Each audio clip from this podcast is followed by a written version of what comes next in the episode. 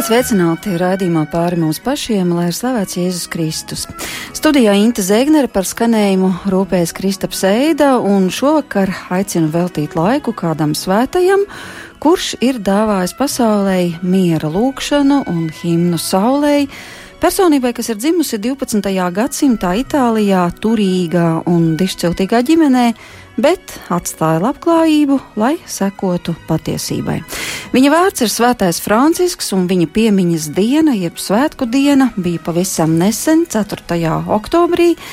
Savukārt šogad, 2. oktobrī, apritēja 90 gadu kopš dzimis latviešu valodnieks, tulkotājs, atzējotājs un dzēnieks Valdis Bisenieks, arī Svētā Franciska ziediņu tulkotājs, kas nu pat jaunā izdevumā nāca klajā izdevniecībā Kaleraksti un piedzīvoja prezentāciju Nacionālajā bibliotekā 2. oktobrī Valda Bisanieka dzimšanas dienā, kas tika svinēta gan ar akadēmiskajiem lasījumiem par autoru, tika svinēta arī īpašā uzvedumā ar Kasparu Znotiņu un Vestardu Šimkus piedalīšanos. Valdis Bisenieks, tāpat kā Francisks, bija patiesības meklētājs. Katrs ir meklējis patiesību savā gadsimtā, savos apstākļos, bet Valda Bisenieka tulkotajiem ziediņiem ir dots arī vēl šajā jaunajā izdevumā kāds papildu nosaukums, proti ar jautājuma zīmi galā un tiek uzdots jautājums, kāpēc Francisks? Un šo jautājumu mēs uzdosim arī šī vakara viesiem, teoloģijas doktoram, priesterim Andrim Marijai Jermanim, pasaulē dzīvojošo franciskāņu ordeņa ministrei Gundagai Zaķei Cimžai un priesterim Andrim Kravalim. Un eh, šovakar es gribu sākt ar pirmo jautājumu Gundagai, ko nozīmē pasaulē dzīvojošie franciskāņi un kāpēc jūs esat ministre? Tūlīt saimā tiks lemts par jauniem ministru kandidātiem, bet jūs jau esat ministre. O, jā, es esmu ministre. Jūs droši vien nevar izmest no tā amata. Var, ik pēc diviem gadiem. Oh, nu tad pastāstiet. Pirmām kārtām vārds ministrs nozīmē kalpotājs. Un, eh, Darētu to atcerēties, vai ne? Mūsu noteikti tas jāatcerās, jo pirmais mūsu ministrs Jēzus Kristus, un līdz ar to viņš ir parādījis, kādam ministram ir jābūt, spējīgam mazgāt saviem apstuļiem kājas, un ne tikai būt pēdējais, būt vismazākais, lai varētu, kā saka, piepildīt to mīlestības lietu un, un lai vislabāk varētu izjust katru, katru dzīvo un nedzīvo radību un tā. Nu jā, bet ko tad nozīmē pasaulē dzīvojošie franciskāņi un arī ko nozīmē jūsu kontekstā tā ministra loma? Jā, nu, ministra loma ir tāda, ja mēs esam ordenis, tā nav kopiena, tā, tas, tā nav apvienība, kristīgi, katoļs. Tā, tas ir ordens ar savu zvērustu, ar noviciātu laiku un, un uz mūžu solījumiem. Uh, mēs, kā saka, veicam mūžu solījumus un, un tā. Tas ir ordens, pildniecīgs ordens ar savu ministru, ar savu padomi, un e, tas ir līdzvērtīgs ordens mūsu, mūsu visu franciskāņu ordeņu ģimenē mēs esam. Un šo ordeni ir dibinājis pats Francisks? Pats svētais Francis, jo mazliet varbūt tā e, bērnišķīgas izstāstīšu, kā nu, tiešām tad, kad viņš aizrāva tik daudz cilvēkus ar to savu harizmu un, un cilvēkiem atvērs šo ceļu pie Kristus, notika tā situācija, ka laulāti draugi pat nolēma šķirties, lai pievienotos viens pie vīru orde, otrs pie, pie, kā saka, sievu klosteru, un, un viņam bija nepieciešams to atrisināt, jā, un, un tā, un arī ar šo atrisinājumu viņš arī uh, dibināja šo ordeni, jā, mēs saucamies, kā saka, kā pirmatnēji, tā kā brāļi gandarītāji, Un, lūk, un šis ordens ir dibināts mums, lajiem, ģimenes cilvēkiem, precētiem, neprecētiem. Uh, ar, ar, ar, šo, ar, šo, saka, ar šo svētību, ka mums jādzīvo šī ikdiena un šī pasaule ir mūsu klosters un mums ir jāīsteno Jēzus Kristus idejas mūsu ikdienā caur Franciska harizmu. Tātad pastāv dažāda veida ordeņi arī, ja runājam par Svēto Francisku. Tas ir tiešām ordenis, kurā iet mūki, ir arī Jā, sieviešu. Klarises un Klarises. visādi atzari, dažādi atzari Jā. mēs esam. Un tad ir pasaulē dzīvojošie Šie... franciskāņi, kurus pa ielu ejot, jūs nemaz... terciāri kursi vairs nesaucam vairs, jā, senāk mēs saucām tēt, bet kopš, pirms čē, mums ir 40 gadi kopš uh, regulas atjaunošana. Regula ir atjaunot, un mēs vairs ne, ne, ne, netiekam saukt par terciāriem. Tātad mēs, agrāk tas bija tā kā trešais te, ordenis. tre, jā? terciāri, jā. Tas ir vislavenākais Latvijā bijis. Terciāra Viss. Vislavenākais mūsu Alberta draudzē bija, mūsu, mūsu Alberta draudzē bija pie tūkstots uh, franciskāņu terciāru. Kors Bet- viss bet- bija. Bet jūs zināt, ka bīskaps Loskans arī terciārs, bija terciārs, jā. Jā. jā. Un arī par uh, terciāriem un trešā ordeņa vispār cilvēkiem ir gan Mikelangelo ir bijis, un, uh, un uh, ir, ir Mikelangelo ir bijis Jā, Svētā Franciska jā. ordenī. Jā. Un arī bija, un arī, arī starp, ci- o, ā, nu, Čestertons ir bijis. Lords Čester. Jā. Bet arī nu, baznīcas vēsturē tālāk arī daudzi atzari, eh, kā piemēram kapucīni, kas pat laban arī šeit mums ir. Viņi Svētā Alberta baznīcā, atsaucās Rīgā. uz eh, Svētā Franciska garīgo mantojumu. Tā ir viena reforma.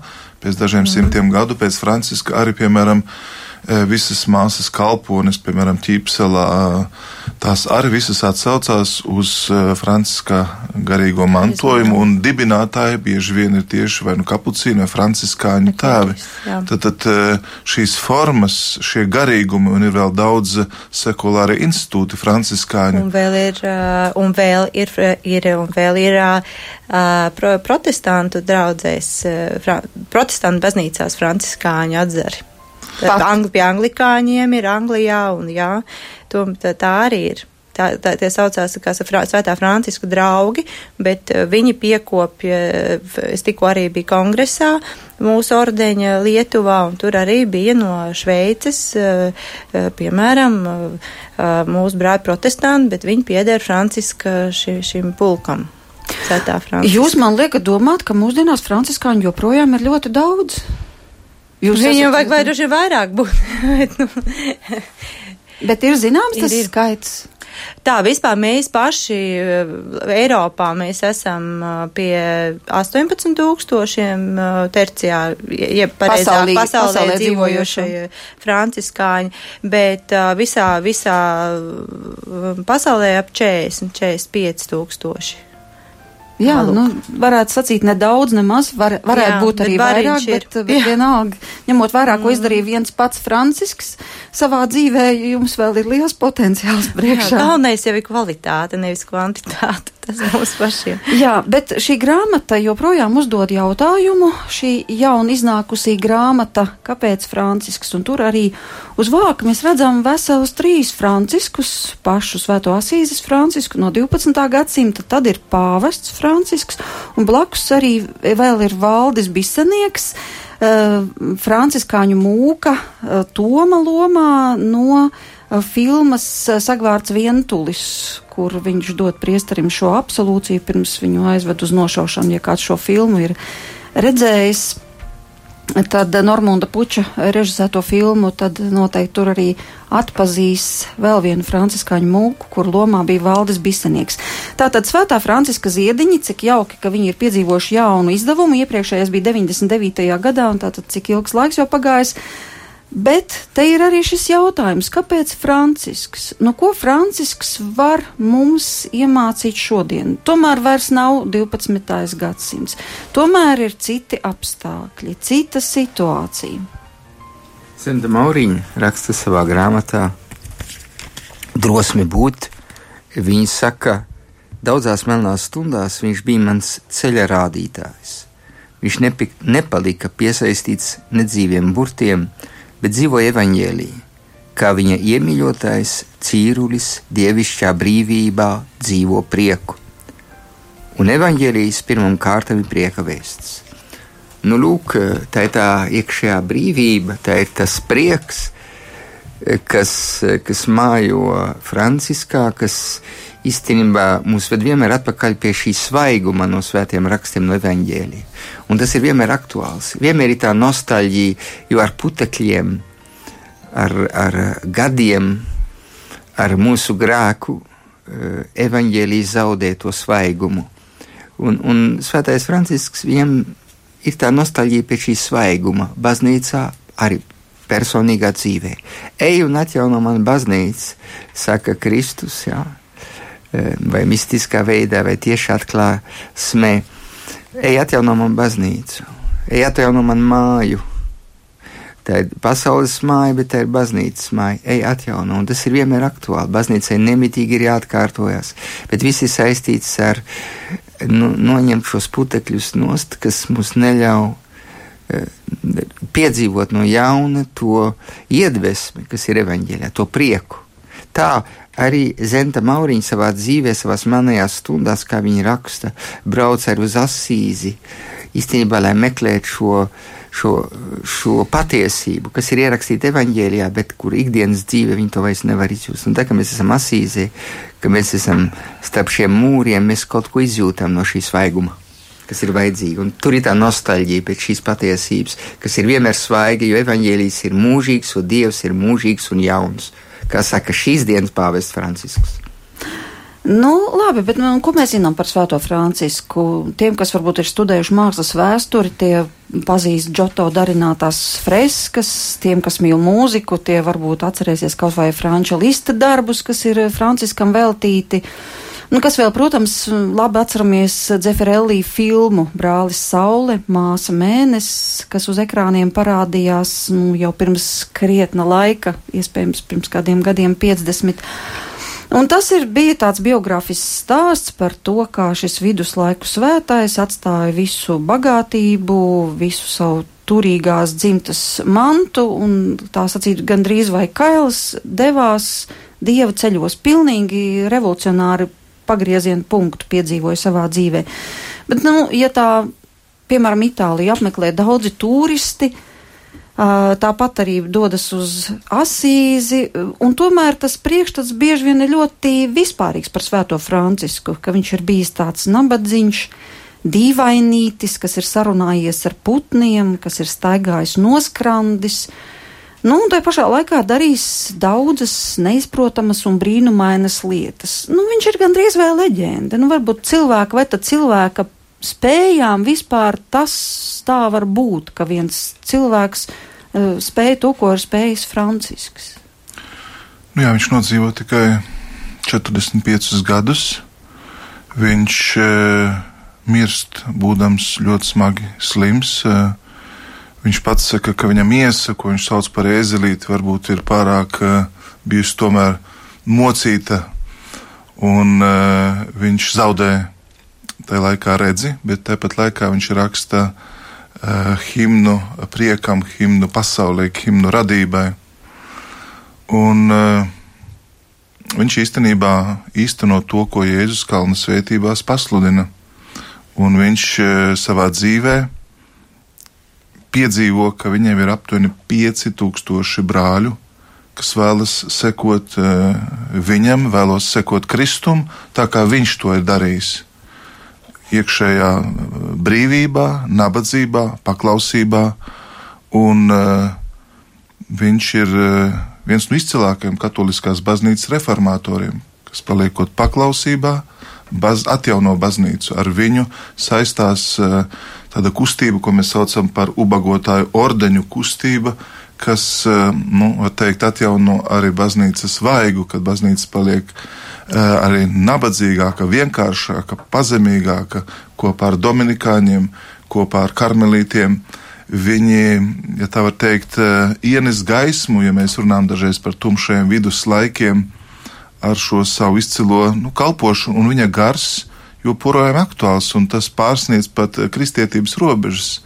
Arī, piemēram, budistu mūki bieži brauc un satiekās, un viņus interesē Svētais Francisks. Pats esmu redzējis, kā, piemēram, Asīzē ir daudz citu reliģiju pārstāvi, kas nāk, jo saprot, ka viņš pirmkārt jau sevi mīlot Kristu, ir atradis harmoniju ar sevi, ar radību, ar Dievu. Viņš ir ieguvis mieru, un tās ir vienas no pamattēmām tikai, ko viņš īsteno ar savu dzīvi, ar savu dzīvesveidu, mācību, un arī vēlas, lai e, viņa sekotāji būtu patiešām universāli brāļi. īstenībā nu, raidījums būtu par maz, lai, lai visas šos aspektus kā, izgaismotu, bet, manuprāt, tas viss rezumējās Jēzus kalna svētībās. Un pirmā svētība skan svētīgi garā nabagie, jo viņiem pieder debesu valstība. Var teikt, ka viņš šo svētību ņem arī par savas dzīves pamatu un principu un to izcilā veidā īsteno bet arī nāk nu, viņa tiešām pārdabiskais prieks, viņa mīlestība uz uh, nabadzību, viņa radikālā sekošana kristuma, paklausība, iet līdz pāvestam, lai lūgtu svētību šim ordenim, kas tajā laikā pat daudziem ir ļoti traucējošs. Bet tad, tad viņš spēja ar savu dzīvesveidu nu, savaldzināt cilvēkus uh, un atklāt Kristu daudz. Um, tā var teikt, pilnīgākā veidā, kā baznīca tajā laikā to redzēja. Mm -hmm. ja viņš, viņš ja teikt, izģērbās, un viņš pat ar brāļiem bija gājis skails prediķot, lai tikai atklātu dievu mīlestību. Lai e, parādītu, cik, e, ja tā var teikt, e, Kristus mīlestības neprāts iet tālu, un tādā veidā viņš patiešām vēlējās būt tāds, nu, dieva žonglieris, dažreiz to, ja nemaldos, Čestertons to tā saka mm. par viņu. Viņš vēlējās visā uh, nest līdzību, līdzināties Kristum, un, manuprāt, arī tieši tāda īpaša mistiska žēlastība viņš 1224. gadā saņem stigmātus, tad Kristus brūču zīmes. Tas liek domāt arī papustuli Pāvilu, kas arī runā par šiem noslēpmainām uh, zīmēm. Uh, Atcerēsimies, kā ļoti ātri franciskāņu mūkeri bija Rīgā. Tas ir laiks, kad īstenībā nu, Rīga tika dibināta, veidojās eh, mūsu viduslaiku pilsēta. Un tātad eh, arī franciskāņu mūki ļoti ātri atnāca šeit. Viņi arī bija šeit reformācijas laikā. Tad īstenībā arī mūsu zeme un Livonija cieši saistīta ar franciskāņu kustību un, eh, un viņa klātbūtni. Viljams pedagogs Silīte Kristus bērniņa dziesmas, eh, eh, dzimšanas svētki eh, ir mums kļuvuši tuvu pateicoties Franciskam, jo viņš saprata, ka vajag audzināt cilvēkus. Caur simboliem, caur tuvību vajag audzināt vienkārši šo tautu, kura neprot lasīt, caur šiem tēliem un attēlojot visu Jēzus Kristus dzīves noslēpumu tas ir ārkārtīgi būtiski uh, nodot tālāk šo vēstījumu caur šo dzīvo katehēzi, un mēs dzīvojam no tā. Tad, kad priesteris Andris Krevals nu, runāja par miera vēstījumu, mums nāk visiem prātā, uh, ko viņš dara tajā laikā, kad notiek cīņas starp musulmaņiem un kristiešiem. Viņiem ir drosme, un ļoti daudz kristiešu arī mirs, uh, zaudējot dzīvību. Viņš aiziet pie sultāna un viņam runā par Kristu. Un vienkārši tas, tas ir tā palicis, tā iezīmējis to, to mūsu apziņu, kad arī Jānis Pāvils II asīzē lika priekšā visam, visām pasaules reliģijām sanākt kopā un lūgties kopā, katrs savā veidā, lūgties par pasaules mieru. Lūk, ir tik daudz aspekti, kas ir tik reāli šodien un kas mums ir vajadzīgi mūsu sabiedrībā, kas ir vajadzīgi šajā globalizācijas laikmetā, prast satikt otru un pazemīgi satikt otru. Tad, kad tu esi brīvs, tu spēj izlikt ar sevi, ar, ar, ar citiem un ieklausīties otrā. Un es uh, gribu turpināt šo pedagoģisku aspektu. Varbūt mēs to nemaz nezinām, bet kas tad atnes krustaceļus, krustaceļu lūkšanu uz Eiropu? Kas apsargā svētās vietas eh, Palestīnā. Tie ir franciskāņu mūki. Vairāk simti viņiem tieši ir uzticētas šīs vietas, un Francisks īstenībā arī, eh, tā var teikt, daudz domā par eh, Jēzus dzimteni. Viņš visā vēlas atdarināt to, un tieši franciskāņu mūki būs tie, kas Kristus ciešanas ceļu atnesīs šeit uz Eiropu. Tas parādīsies katrā dievnamā, katrā baznīcā. Viņš tādā veidā mēģinās šī gadījumā franciskāņu mūki, ilustrēt evaņģēlīja lapas puses, ļaut cilvēkiem iet kopā ar Kristu, izdzīvot šīs tikšanās, un uh, mēs pazīstam šo lūkšanu katru gadu no Svēto Tēvu no, no, no Kolizeja, un uh, paši ejam pilsētās un dievnamos un vecerīgās šeit šo krustaceļu, tad uh, tas ir tas pats Asīs Francisks, un tie ir franciskāņi, kas tik pedagoģiski atnes šo izcilo lūkšanu, kuru mēs dzīvojam no dienas dienā. Ziniet, mums nav jākaunājas par kristietību, tad, kad mēs skatāmies uz Francisku. Laikmetā, ka ka, kad tiek nemitīgi uzbrukts, eh, runā, runājām par inkvizīcijām, tad domājam, ka baznīcas vēsture apstājās pie inkvizīcijām. Bet baznīcas vēsture ir daudz plašāka nekā cilvēka grēki. Un uh, cilvēka grēks, jā, baznīcas cilvēka grēks, tas ir nieks uh, Kristus svētumam, kas atspīd uh, kalpos, kas ir devuši savu dzīvi, Pādrie Pio, Terēze no Kalkutas. Jā, tāpēc es ticu Kristum, kas ir baznīcā, neskatoties uz visiem grēkiem, un mīlu šo baznīcu, tā ir mana māte, un atdod man dzīvību par baznīcu. Bet es nespļauju baznīcā virsū. Es mēģinu atjaunot to baznīcu, atjaunojot sevi. Tas, tas ir tas, ko Francisks iedvesmo katrā no mums. Nu, un tad jānoklusē ir vienkārši, ja tas ir nezināšana, tas ir šaurums. Bet tad, kad tu ieklausies eh, šajos svētā un tādā svētā, tu vienkārši noliec galvu un tu saproti, kas ir īstā reforma, kur viņa sākās un kādu ceļu viņai ir jāiet. Bet es tomēr gribu uzprasīt par pirmsākumu. Nu, Francisks bija labi mm, uzturēts savā ģimenē, savā, savos īpašumos, viņš bija pārticis. Domāju, ka viņam īsti nekā netrūka. Kā varēja notikt tik radikāla pārmaiņa vienā cilvēkā?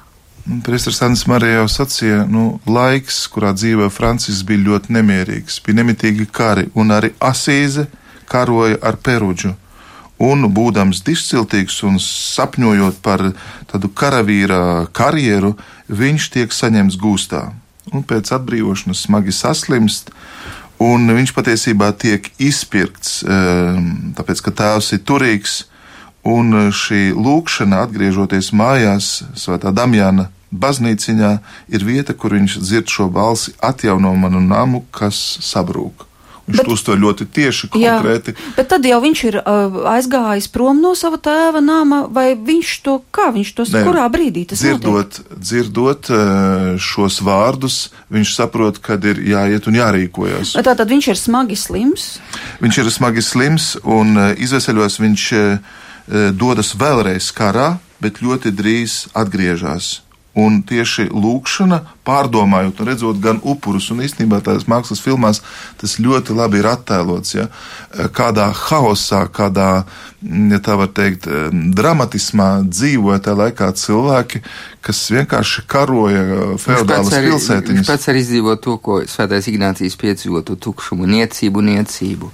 Viņš redz visu tas, ko tēvs viņam piedāvā neatnes iekšējo brīvību, bet neatnes ar prieku. Un tas jautājums zīme, ko Svētais Augustīns ar piedzīvot to nemieru, kuru mēs visi nesam sevī, ja pārbaudījuma brīžos, tad, kad ir klusums, ka mēs pārdomājam, uzspēl tas jautājums. Tāpat Ignācijas ievainots pārdomā, tāpat uh, mūsu Francisks pārdomā. Tas ir tie, tad, kad tu esi nolikts uz ceļiem, tad, kad tu vienkārši vairs nevari, tu sāc domāt. Kāda jēga? Jā, un es domāju, ka tas, tā, tā, tas ir jautājums par dzīves jēgu.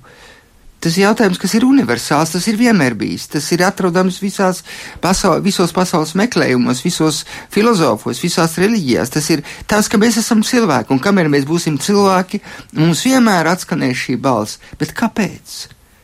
Un kā man jādzīvo? Un uz ko es varu cerēt? Kā Kants kādreiz teica, Šie trīs jautājumi ir absolūti būtiski, viņi ir aktuāli, viņi nav novecojuši, viņi būs līdz mūža beigām, kamēr pastāv cilvēki.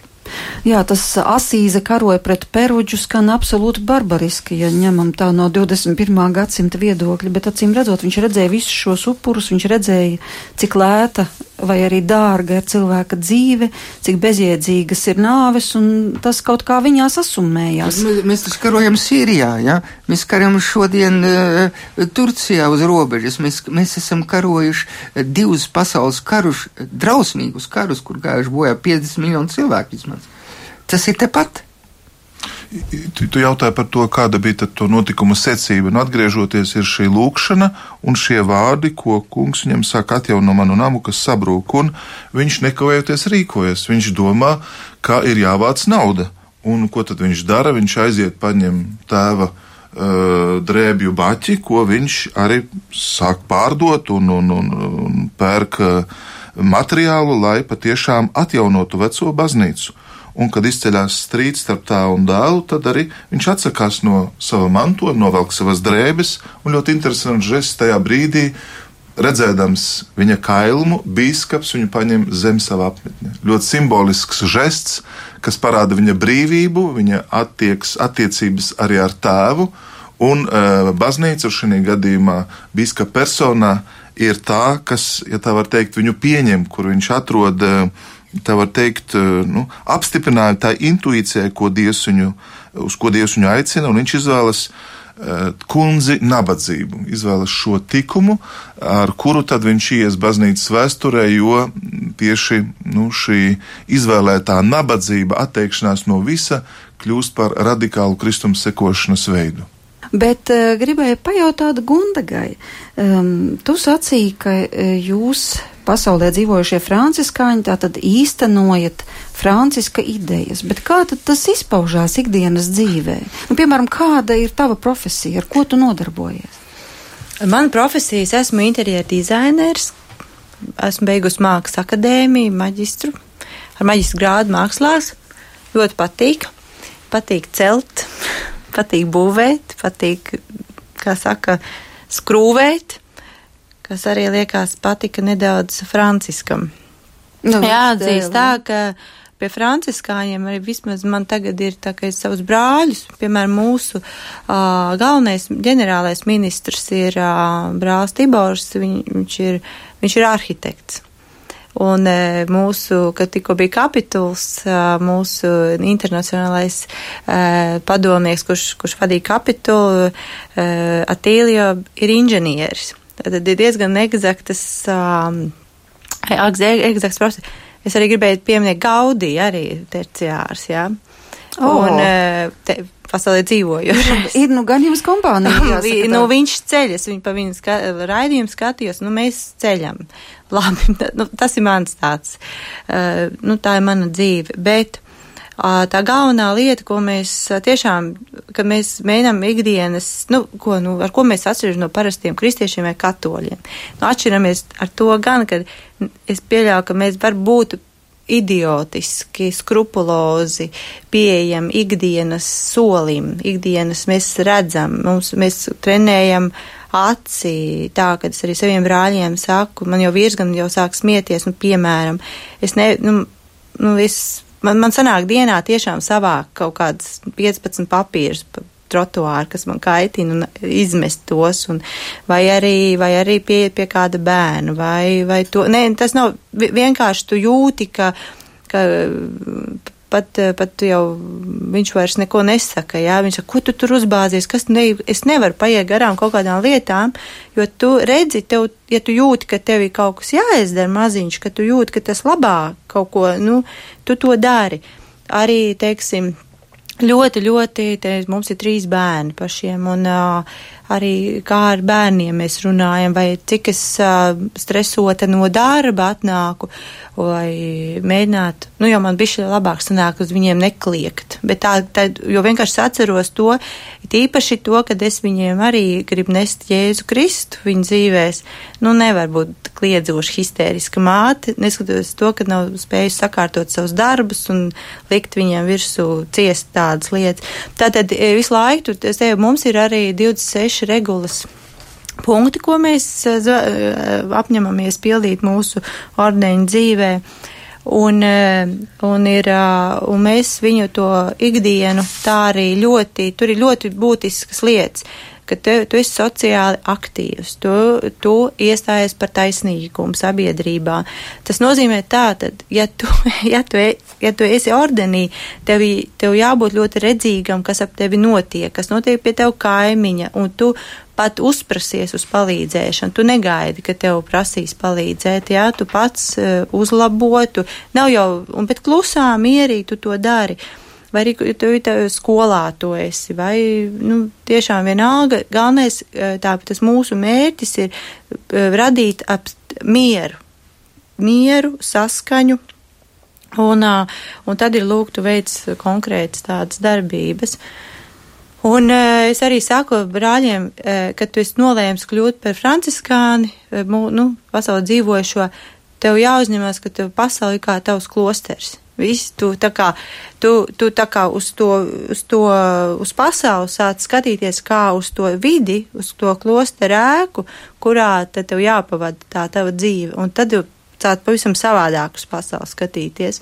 Jo tas ir tie tavi izaicinājumi, ikdienas izaicinājumi kuri tev jāpārvar mīlestībā, pat asprātībā, tieši kā Francisks darīja, ja, tur uz iediņos gan pat tiem laupītājiem un viss, ja, ka brāļi aizdzen laupītāji, tad Francis atnāk, tūlīt meklējiet, kur tie laupītāji ir, pabarojiet un tā tālāk. Tad, tad visādas tādas jocīgas lietas.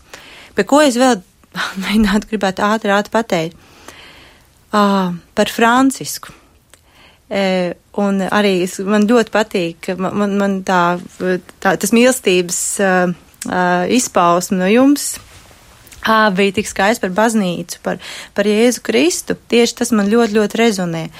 Un es arī, arī uh, Jēzus Kristus atnāca. Es, arī cik nes, nu nevar būt, nu, kā, nu tā, ne, nu, ne jau Dievs ir evaņģēlī, Dievs daudz to saka un tā. Bet viņš atnāca un viņš mainīja veselas civilizācijas domāšanas veidu. Viņš piedāvāja absurdi sākt rīkoties, kur tu esi gadsimtiem, tūkstošu gadus kāvies un, un aci pret aci, zobu pret zobu. Šeit pēkšņi ir absurdi piedāvājumi, kā tev jādzīvo. Piedot ne tikai savam brālim, bet savam ienaidniekam, arī arī vēl, vēl kas man vispār aktuāli, viņš arī Jēzus Kristus Tieši tā, mēs kā franciskāņi, Jēzus Kristus mums arī palīdzēja Albertos iesakņot eh, bērnu mises. Un mums bija situācija pirms 12 gadiem, un kā visās baznīcās, ka bērni un ģimenes kā spitālīgie bija aizmugurē. Mm. Kā viduslaikos. Un tas ir tas, ar ko Francisks savulaik Jā. cīnījās. Un es tā pēkšņi, man tie, mums tie bērni sāka dzimt, un teicu, tā nav pareizi. Kristus tie, Kristus vienkārši apstādināja savu runu laukumā toreiz. Es iedomājos, mm -hmm. ņigu ņagu, tiem bērniem teica, pilnīgi vienalga jā. varbūt par to, ko viņš runā. Bet viņš apstādināja, un viņš paņēma bērnu sev klēpī. Un parādīja, kādiem mums jābūt. Un eh, tā mēs rīkojamies. Un arī Francis vienkārši paņēma evaņģēlu, viņš vienkārši rīkojās kā Jēzus. Un, un, un arī, ja runa par šodienu, mēs arī tieši tā atveram evaņģēlu, rīkojamies kā viņš rīkojams absurdi, brīžiem nepareizi, pasaulē nepareizi, bet tas, tas, tas, tas. Bet es tomēr gribu uzdot vienu jautājumu. Kurā brīdī jums kļuva svarīgs šis ordenis? Jūs vispār tik daudz svešvārdus tu lietojat kapitāls, nu labi, ah, tur ģenerāla ministrs, ordenis. Tāda sajūta bija, ka mēs jau esam atkal 12. gadsimtā. Nu kāpēc jā. vienai mūsdienīgai meitenei pēkšņi ir nepieciešams ordenis? Kurā brīdī tas notika pirms cik gadiem un kāpēc? Nu, redziet, tad, kad es, es, es, es esmu praktizējuši katols, no desmit gadiem vai deviņos mēs tikām kristīts, un man tas ļoti ļoti sakņojās un manī rezonēja šis. Eh, nu, labi, iet uz baznīcu, tieši tā, tieši tā. Bet cilvēkai tā, ja tu dziļāk meklē Jēzu, tev, tev, tu jūti, ka tu, tu, tu vēlies piederēt, tu vēlies viņu meklēt, uh, meklēt uh, kaut kādās formās, mm -hmm. ja, kas tevī rezonēja. Un, un, un Francis absolūti manī, un pateicoties mammai, no sākuma jau tā, bet pilnīgi, manī, pilnīgi totāli manī rezonē. Un arī, kā mēs sakam, ka tu, uh, ka tu iestājas ordenī un, un ar savu zvērestu, tu arī atjauno kristības solījumu lūk, tu pilnībā padziļini vēl dziļāk un vēl lielākus pienākumus varbūt sev uzkraut. Cik jums gadu bija, kad jūs iestājāties? 14. 14. Tad nevar no, cik, no cik gadiem vispār? Vispār tagad pieņem? var no 18. Bet, nu, mēs tā, tā speņķuši mūs uzņēma un tas bija 80. 8. 9. gads. Nu, kas tad mainījās jūsu dzīvē tajā brīdī, kad jūs tikāt uzņemti uz ordenī? Es domāju tā, ka mūsu dzīvē bija tā, ka vispār mums bija ļoti skaista dzīve, un mēs tādā kopienā visi dzīvojām, un pilna māja ar cilvēkiem, varbūt tāda euforija, un viss, vislabākais jau notika tad, kad tā euforija noiet, un kad tev, tu saskaries ar, ar, ar, ar visādām grūtībām, un tad tev pamet tie brāļi, un vairs tas ne, un tad tu paliec tur pusotrs cilvēks, un, Un Ko nozīmē jūti... pamat brāļi? Tie jau nav franciskāņu mūki, kas pametas. Nē, nu īstenībā patiesībā mums tā nevar tā vienkārši pamest, bet, nu, nu jā, jā, jā, nu vienkārši aiziet savus citus ceļus, bet tie bija arī tie laiki, kad cilvēki meklēja. Tas bija savus... padomu laiks vai jau atmoda? No 89. 90. Mm. Un tā ir atmoda, bet, nu, tad visi visu eksperimentēja un tā. Un, bet tagad ir tā, ka, nezinu, tas ir man ļoti patīk šis dzīves stils, tas man ļoti, ļoti patīk un, un es, un tas, un, Un arī īstenībā tā, kā Francis, es lasu evaņģēliju un kontemplēju, kā Kristus ir rīkojies tajā 2000 gadu tajā Atalumā. Nu, valstiskajā mm. iekārtā un kā viņš, kā, kā viņš visu mainījis un, kā, un kāpēc cilvēks tam arī sekoja. Tāpēc, ka viņš atbrīvoja mūs no kompleksiem, no, no, no uh, vajadzības būt perfektam, pareizam. Vis, vai, vislielākais, ko viņš saka, ir mīlestība, ja? mīlestības bauslis. Tas, ko tu esi izdarījis vismazākajam, to tu man esi izdarījis. Viss. Tad es saprotu, tas ir arī jūsu princips - ieraudzīt katru cilvēku. Uh, Dzīvo, censties... nedzīvo. Arī mums jābūt atbildīgiem arī par nedzīvām lietām, par īpašumiem, par, par to, kas mums pieder, par to, ka, kur mēs dzīvojam, pa ko mēs ejam. Tā tad mums noteikti arī gājāt balsot, es tā pieņemu. Protams.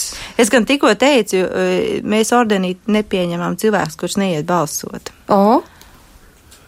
Jā, nē, nē, nē pilnīgi noteikti. No, nu, mums ir formācijas Tad, laiks. Lai iestātos, kas ir vajadzīgs, piemēram, kāds tev jābūt, ir, tev jābūt, nē, nu, tu, pirmām kārtām tu jau var nākt un klausīties un, un, un iepazīt Francisku. Mums ir tikšanās un, un viss ir, bet, ja tu vēlies iestāties, jābūt katolim ar visiem sakramentiem pieņemtajiem un. Tā kā tas nav tik jāturpina. Gads ir noviciāts un, un pēc tam ir, tu vari uz gadu uh, solījumu, tad tu mūžu mm -hmm. solījumu. Cik gadus jūs jau esat tā tad? Ui, tri, cik man gadu? to, to es nezinu. Tā ir ļoti daudz. Būs 30, būs 30 gadus. gadu, jā. Mm -hmm. Mm -hmm. Labi, atgriezīsimies pie vēl viena jautājuma, kāpēc Francisks, proti šeit arī uz grāmatiņas vāka mēs redzam pāvestu, kurš tikko viesojās 24. septembrī Latvijā, un arī viņš izvēlējās vārdu Francisks. Tātad Francisks 21. gadsimtā. Nu, viņš izvēlēja šo vārdu tāpēc, ka viņš gribēja sekot Franciska pēdās, un arī tāpēc, ka kāds no kardināliem viņam bija teicis pēc ievēlēšanas uzreiz rūpējies par nabagiem vai padomā par nabagiem. Bet kāpēc Francijas 21. gadsimtā? Kas tad ir tā vēsts, kas mums ir vissvarīgākā no viņa 21. gadsimtā? Kas ir tās mūsu nepilnības, kuras būtu jāatjauno? Nu, ja Franciskam ir ejiet, eju un atjauno manu baznīcu, ja, ja Francis būtu 21. gadsimtā uh, dzīvojis, tad ko viņš mestos atjaunot? Viņš to pašu teiktu, jā. Viņš to pašu teiktu. Uh, īstenot žēlsirdības vēstījumu, kas ir svētos rakstos, kas ir evaņģēlijā. Un tas ir tas, ko pāvis Francis. Tā ir žēlsirdība pret dabu, ko Francisks mums māca. Tā ir žēlsirdība pret, pret nabadzīgo cilvēku. Tā ir žēlsirdības revolūcija, kas ir pretējais. Tā ir cietsirdība, tas ir cinisms. Uh, mums jau nav ko lepoties. Uh, kari, strīdi. Uh, kas ir bijuši un kas mūs ir sašķēluši, un tas ir nemitīgs mums ir uzdots uh, to pārvarēt. Un daudz ir bijuši cilvēki, kas ir mēģinājuši atjaunot šo pasauli, dažas revolūcijas, dažas utopijas, bet uh, mīlestības revolūcija, mīlestības skatījums uz lietām būs vienmēr aktuāls, un, un ja pāvests Francisks ir tik aktuāls tajā globalizētā, pas globalizētā pasaulē, kur mēs dzīvojam, tas ir tāpēc, ka šī žēlsirdības kultūra ir absolūti nepieciešama. Šis mai, maiguma revolūcija ir nepieciešama. Un viņi iet tad, kad cilvēks atbrīvo sevi. E, un, un es domāju, ka tas ir ārkārtīgi būtiski. Jā, tad, tad um, varbūt klausītājiem vajadzētu atgādināt, ka šis patreizējais pāvests ir 266. Tad skaitot no Pētera. Un uh, pāvesti ir izvēlējušies dažādus vārdus, piemēram, Benedikts. Nu, pirms pāvesta Franciska bija Benedikts 16. Tas nozīmē, pirms tam bija 16 Benedikti mm -hmm. pāvesti, kas izvēlējās Jānis 23. Tad, tad vismaz 22 iepriekšējie pāvesti šo vārdu ir vēlējušies. Un ir jāatgādina, ka uh, Jorge Marlio Bergoglio bija jezuīts. Tad viņš jau bija reliģiozs um, ordeņa cilvēks. viņš jau labi zināja tad, tad, garīgās dzīves principus, gan kā pasniedzējs, kā noviča audzinātājs, gan kā gan rektors, kas vadīja mācību iestādi, gan arī kā cilvēks, kas arī bija apgūjis laicīgu profesiju, ķīmiju, kā parasti iezīmīgi to dara. Un, manuprāt, viņš izvēlējās Francisku, un tad viņš izvēlējās kā pirmais visā pāvestu vēsturē šo ne tikai vārdu, tikai šo svēto, bet, kā jau Andris Marijas sacīja, tā ir programma. Tā ir um, šīs dienas situācijas uh, izpratne un aktualizācija, jo Franciska gars uh, ir tas, kas šodien šajos apstākļos ir īpaši pasaulē vajadzīgs. Es domāju, un tieši baznīcai, un es kā tādu skaistu uzskatām piemēru, pirms trim gadiem iznāca pāvesta enциklika, tātad viņa dokumentu tāds apkopojums, svarīgs dokuments, kas runā par e, rūpēm par kopēju māju. Un viņš izvēlās tieši Asīs Franciska dziesmas, es izslavēts pirmos vārdus, laudātos si, un viņš nemitīgi īstenībā balstoties uz Francisku arī runā par uh, uzdevumu, par ekoloģiju, bet nerunā tikai kā šodienas zinātnieks vai pētnieks. Bet viņš bet, runā par integrālo ekoloģiju. Ja, par, uh, arī par garīgu ekoloģiju. Viņš runā par cilvēka sirdi. Viņš runā par to, ko Gundagļovs sacīja, nu kā tu dzīvo. Vai tu pāji garām tam nomestam papīram, vai tevi rūp uh, bērns, kas raud, vai, vai, vai tu aizgriezies redzot nabagu, vai e, tu jūties uzrunāts un jūties atbildīgs. Un es vienkārši, lai tā mēs nu, tik daudz neinterpretētu, bet, bet ieklausītos pašā Franciskā. Vienā lūkšanā viņš saka, jo aizmirstot sevi, mēs atrodam, dodot, mēs iegūstam, piedodot, saņemam piedošanu, un nomirstot, piedzimstam mūžīgai dzīvei. Ja? Šie vārdi mēs labi zinām, īstenībā nāk to tādas lūkšanas, kur Asīs Francis saka, tad, tad kungs dari mani par miera nesēju, lai es nestu mīlestību, kur ir naids, piedošanu, kur darīts pāri.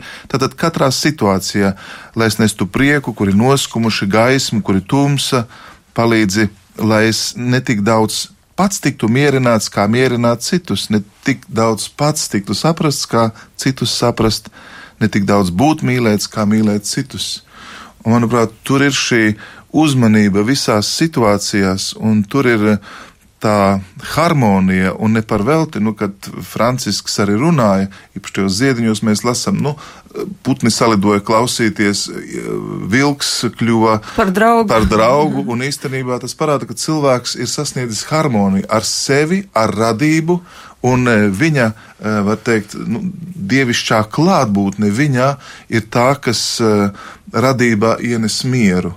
Domāju, ka tā ir leģenda par to gubju, bet ļoti interesanti, kad gubju baznīcā jā, atrada altārā kā relikviju vilku. Mm. Un tad var iedomāties, ka tiešām kaut kas tur ir noticis. Jā. Tajā vietā, kad tas vilks vienkārši arī atgriežas, ka daba klausa patiesībā, jo īstenībā vis, mēs esam visi saistīti. Un, as, un Francisks Asī, Asīs Francis mums to atgādina, to, ko Pāvils Pāvils saka. Ja. Caur uh, grēku, iedzimto grēku, viss daba tiek uh, izjaukta. Tā kārtība, tā kosmosa kārtība atspoguļo mūsu grēks, izjauc visu kosmosa kārtību. Un caur Kristu jaunā radība ir iesākušies. Un tā harmonija ir iespējama Kristu, jo viņš ir visu harmonija, gan dabā, jo viss ir ticis radīts viņā. Iesākumā bija vārds, un caur vārdu viss ir ticis radīts, saka Jānis Evanģēlijā, prologā. Mm -hmm. Un par to ir vērts pārdomāt. Un, un šajā kopējā saistība, kas ir starp lietām, Francis to ļoti labi ir atklājis. Un mūsu pāvests vienkārši pazemīgi kalpo vienai intuīcijai, kas viņam ir, un viņš mums iet pa priekšu. Kā pravietis, kā arī jebkurš katrs ordens, bet īpaši franciskaņu ordeņi šodien. Eh, ne jau visiem jābūt kā franciskāņu ordiņi. Viens man prasīja šodien, vai man arī viss ir jāpārdod. Es saku, tas jāskatās aicinājums, kas tev ir, eh, bet šis ir pravietisks aicinājums.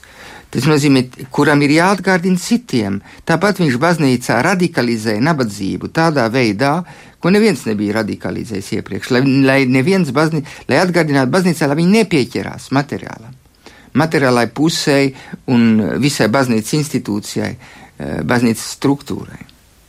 Jā, bet es tomēr gribu uzdot vēl vienu jautājumu, kas attiecas uz nabadzību. Es domāju, ka Latvijā ļoti daudz cilvēki ir atēdušies nabadzību līdz kaklam. Un tā nav taisnīga nabadzība. Tā ir netaisnīga nabadzība, kas attiecās uz veciem cilvēkiem, uz viņu iztikas līdzekļiem, uz nespēju aiziet pie ārsta un uz ļoti, ļoti daudz ko. Starp citu, varbūt par ko arī parādītās saimnes vēlēšanas, ka, kāpēc tad nebija aktivitātes. Varbūt aiz rūkuma, dažādi iemesli, varbūt labi, neapspriedīsim to šobrīd, bet redziet, Franciskam tā ir cita nabadzība tajā nabadzībā, kas ir Latvijas laukos, tajā nabadzībā, kur cilvēki cieši, bieži vien prieka nav. Bet Francisks aiziet skrandains, staigā basām kājām, sasprāgājušām, lietu samircis, bet viņā ir prieks. Un tad kur ir tā starpība? Nu, es, es, drī, es tieši nā, nākot, es tieši par to nabadzību gribēju pateikt. Jā, tāda ir situācija bet mēs arī, ka mums pēc uh, neatkarības, ka mēs attaisījām, atnācām pēc mises un vienkārši nebija ko ēst mums. Bet, mēs, jā, bijām priecīgi. Kā, mēs bijām, bet, nu, ne, bet mamma saka, kādu kartupeļu mums būtu, kādu kartupeļu, pēc piecām minūtēm zvans pie durvīm un mammas pacienti atved veselu maisu kartupeļiem. Ir tā, arī šiem, ko es gribēju teikt, ka uh, iespējams, šis visnabagākais ir tik tiešām, um, baga, kā lai pasaka, prāta stāvoklis. Brīžiem ir tā, ka Dievi ir trūcīgais cilvēks, kurš arī nav gatavs dalīties. Viņam nav šis prāta stāvoklis, un pat, bet visturīgākais cilvēks ir gatavs dalīties, un viņš dalās. Un, e, un ir tā atšķirība, cik, ka, kas ir tas, tas prāta stāvoklis, vai tu, tu gaudies visu laiku. Es esmu redzējis arī tiešām trūcīgus cilvēkus, bet viņi ir priecīgi un viņi dalās ar to mazumu, kas viņiem ir. Es esmu redzējis trūcīgus cilvēkus, kuri noslēdzas, nedalās ne ar ko un tikai gaužās. Tā tad ir tur, tur ir tā ir cita, cita attieksme, kā arī mums vispār viduslaikos bija ļoti skaidri, jā, nauda, apģērbs, tas ir viss skaidrs. Mum, mēs varam humpalās dabūt apģērbs, mums ir zupas uh, virtuves, mums ir, un tā jau arī nav, ja, arī var, ir, ir tie ēdieniņi, varbūt netik šiki vai kā un tā bet kas notiek mūsu sirdīs, arī to veco cilvēku. Bet tur jau ir jā, jāsāk runāt mums pašiem. Eh, ja mēs gribam, lūk, viņus iepriecināt, dot viņiem cerību un, eh, un eh, paskatīties to, kas, kas ir. Nevajag aizmirst, ka Francisks mums māca, ja tev ir dod, mm -hmm. bet neņem. Un, un, un nemitīgi, nemitīgi vairāk, vairāk un vairāk. Viss mūsu kultūra ir uzbūvēta uz vairāk. Es gribu vairāk. Un, ja tu dos, tu piedzīvos prieku. Tas ir tas, ko Francisks mēģina to, to iemācīt. Mm. Viņš saka, bagātnām dod, dod vairāk, ja tu vari. Un, un dod, kā tu, cik tu vari, bet ja tu dalīsies, tu būsi brīvs. Un mūsu nelaime ir tāda, ka mēs nevaram dalīties vairs. Mēs nevaram dot, tad mēs zogam, tad mēs sapūstam, tā ir korupcija.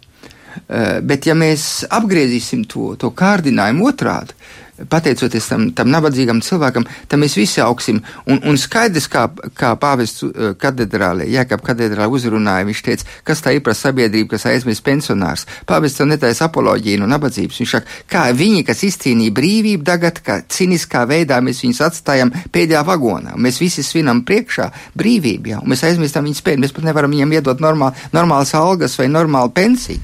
Pāvests uzstādīja to jautājumu. Tas nozīmē, te jau nav nabadzības apoloģētika. Tas nozīmē, bet ja tu, brī, tu, ja, ja tu pats izvēlies brīvību brīvprātīgi, lai atgādinātu visiem, kad ir jādalās, es domāju, ka tur ir viens, arī viena pareiza atbilde, kas attiecās uz materiālu nabadzību. Nu, nu, kad uh, evaņģēlists nesludina tādu nabadzību, kas pazemo un uh, kas iedragā cilvēka cieņu, gluži pretēji, mēs, um, mums ir jāiestājās un uh, jāmeklē, kā mazināt nabadzību, bet mums ir jāsaprot to baznīcas modeli, par kuru un apustļu darbi otrajā nodaļā, kur ir pateikts, tātad ar kādu mīlestību, vienprātību, daloties, e, e, nesot cita, cita nastas, rūpējoties viens par otru, un svētā raksta, ka viss viņiem bija kopējs. Tad arī Asīs Francisks ļoti uzsver to, ka viņi ir brāļi, ka neko mēs nesaucam par savu, bet saprotam, ka mēs esam nu, šajā pasaulē kā līdzstrādnieki dieva, un mēs neprivatizējam, bet nesam par visu atbildību. Un eh, tādā veidā daloties, mēs izmainām pasauli. Mēs, ja tā var teikt, cenšamies atbrīvoties no, no, no, no iekārs, no mankārības un gribam, lai gars valda pār iekārēm un miesu. Un tad arī būs tas prieks, kas bija Franciskam, jebkuros apstākļos, vai tā varētu teikt. Jā, Jā, ne, es tiešām. Un arī brīvība. Prieks tā, nav iespējams bez brīvības. Es nezinu, mēs tiešām tajā ģimenē sacertiem kartupeļiem, mums, mums, mums bija trauma, nebija tiešām, mēs, nu, knap ēdām tur, es ne, māma tur nomasērē, un bija tā, bet, nezinu, Kristus tik tiešām piepildīja mūsu. Nu, to mēs arī varētu novēlēt šai vakarā Jā. visiem mūsu klausītājiem tikt pie tā prieka, kas ir dievišķais prieks. Un Francisks te varētu būt mūsu skolotājs, un lasiet grāmatu, Svētā Franciska ziediņi ir iznākuši, un arī tajā ir ļoti daudz prieka. Andris vēl gribēja ļoti ātri kaut ko piebilst. Manuprāt, eh, Francisks ir ļoti aktuāls, un pāvests Francisks šo vēsti arī ar savām uzrunām un, un savu klātbūtni un tādu personīgo stāju un dzīvesveidu mums atgādina, un tādā veidā vislabāk arī aktualizē Franciska vēsti. Kardināls Kola, bijušais Milāns kardināls, savā autobiogrāfijā raksta, Pāvis Francis tas ir kulaks vēderā, baznīcā. jā, un ar to viss ir pateikts, jā. Viņš ir kulaks, viņš vienkārši satricina visu baznīcu un pasaka pietiekoši gulēts, jāpamožās. Jā, nu paldies ar šiem vārdiem. Tad arī mums jānoslēdz ir raidījums. Paldies mūsu viesiem, priestarim Andrim Kravalim un teoloģijas doktoram, priestarim Andrim Marijai Jarmanim un arī Franciskāņu ordeņa ministrei pasaulē dzīvojošos franciskāņus pārstāvošajai Gundagai Zaķei Cimžai, ka bijāt šovakar kopā ar mums. Raidījumā pie mikrofona šovakar bija Inta Zēgnera par skanējumu rūpējas Kristaps Eida.